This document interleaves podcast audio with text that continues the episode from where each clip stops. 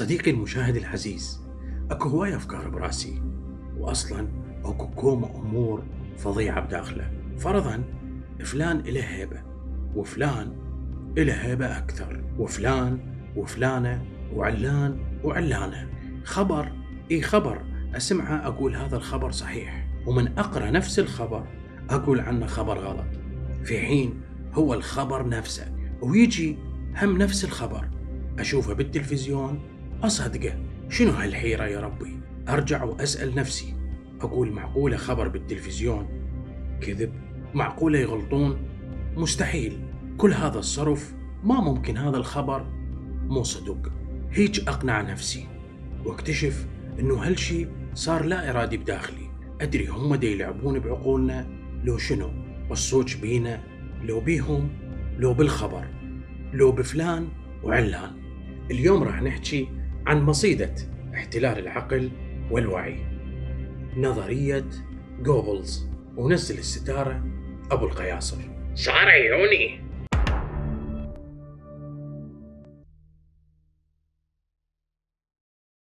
مرحبا أصدقائي. أنا سيزر الحاتمي. أحدثكم من مكان ما على كوكب الأرض.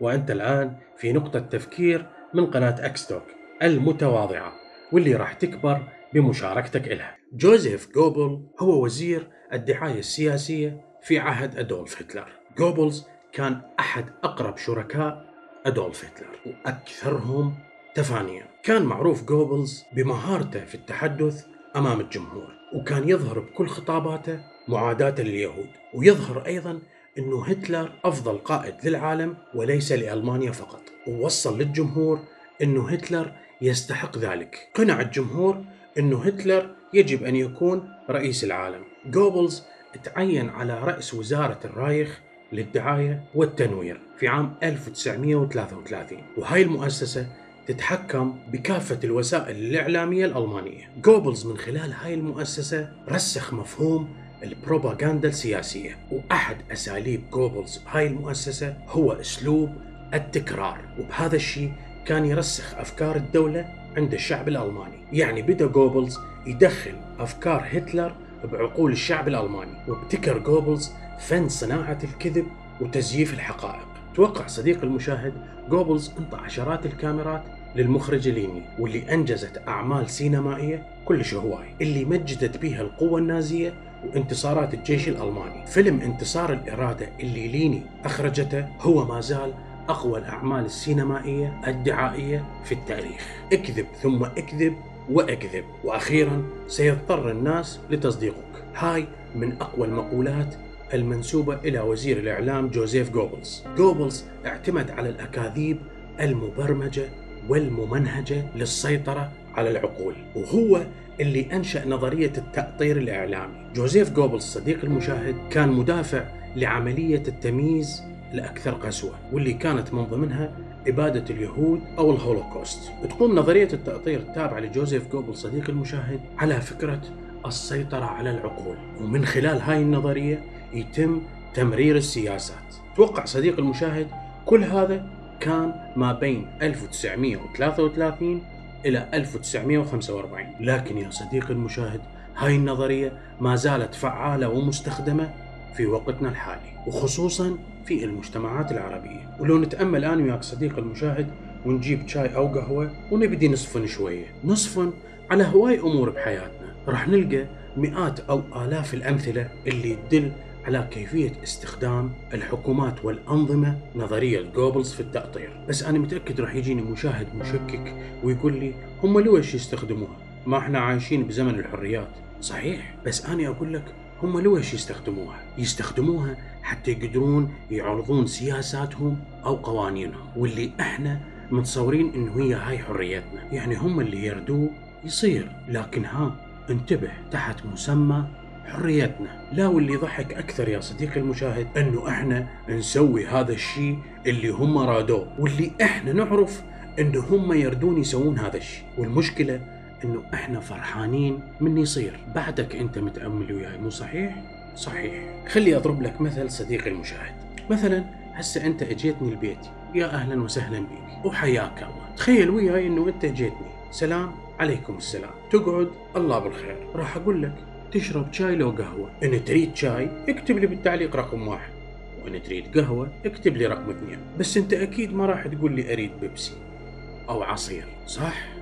صحيح. لويش؟ لأنه أنت راح تختار واحد من اللي أنا قلت لك بيهن. يعني أنا أريدك تشرب يا شاي يا قهوة. وهذا هو أبسط مثال للتأطير. يعني استعملت وياك يا ضيف الكريم نظرية جوبلز وأنت أيضا تستعمل هاي النظرية بشكل يومي.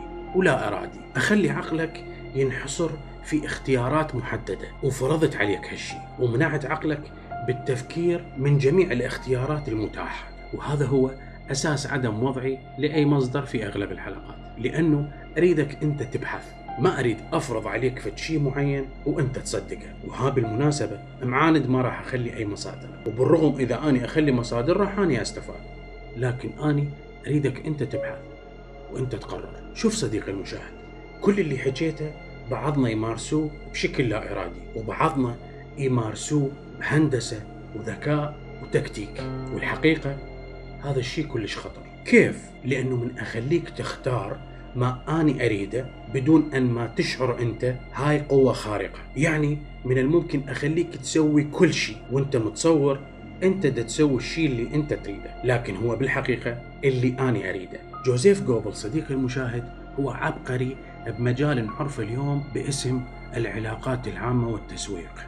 أي كتاب تقرأ عن البروباغندا راح تلقى بيه اسم جوبلز توقع صديقي المشاهد هتلر اللي كان دكتاتور واللي كان شايف نفسه هو ولا غيره كان يتعلم من جوزيف جوبلز توقع صديقي المشاهد هتلر يتعلم. كان يعلمه كيف يلقي الخطابات وكيف يسوي حركات أثناء الخطاب وكيف يقنع الطرف الآخر أثناء الخطاب. هوفمان مصور هتلر الشخصي كان موهوب وعرف يصور هتلر بصور مبهرة جدا. بصوره وبلقطاته خلى هتلر قائد للعالم كله مو بس الألمانيا وكل شيء كان مدروس من جوزيف جوبلز الصورة والصوت والموسيقى والأناشيد الوطنية وحتى المسيرات العسكرية الضخمة كلها كانت مدروسة في سبيل نقل الفكر النازي. يعني نجي نبسطها جوبلز كان مختص في عملية غسل العقول. توقع صديقي المشاهد بعد انتهاء حياة هتلر جوزيف جوبلز وزوجته ماجدا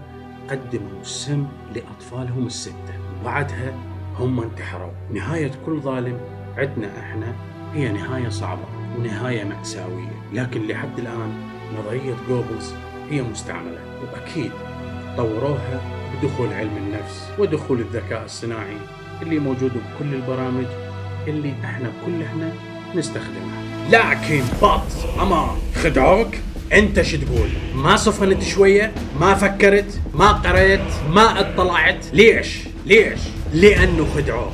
لأنه هم رادوك ما تقرا لأنه هم رادوك ما تفكر. لأنه هم رادوك ما تطلع. هم رادوك حتى ما تصفن بينك وبين نفسك. لا تفكر بأهل أو بصديق. ولا حتى تفكر بنفسك. طلعوا لك جملة آني شعلية. آني شعلية بباقي الناس. صعدوا نجحوا آني شعلية. تعلموا صاروا آني شعلية. علي بروحي. تتذكر من خلوا لك مثل كل اشياء تتعلق منك راحة؟ ها تتذكر؟ تتذكرها أكيد. وحتى أسرع من أن تتذكر كلكم راع وكلكم مسؤول. كلام الحق يقال حتى وإن زعلوا البعض. يردوك تهاجر من بلدك ويحبسوك بأوروبا وبالتالي البلد يفرغ حتى من طاقة الشباب. بعد أن فرغوه غصب بهجرة هواي طاقات ويصيحون ويهتفون باسم الحرية. هي هاي الحرية وصفة. الحرية مو غلط. الحرية مو تجاوز. الحرية مو هجرة. الحرية من زمان نعرفها. كيف؟ لأنه نسيت.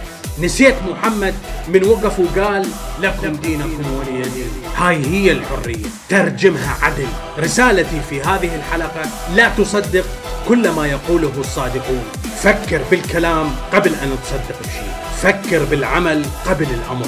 لأنه حرامات تسوي اللي هم يرضون مو اللي إحنا نريد. ولا تنسى يمكرون ويمكر الله. والله خير الماكرين. وشكرا لكل من شاهد وشارك الحلقة. سيزر الحاتمي لا تنخدع. حتى بي. فكر قبل. وإن سألت من هم هم اللي ببالك. صح. تحياتي لكم.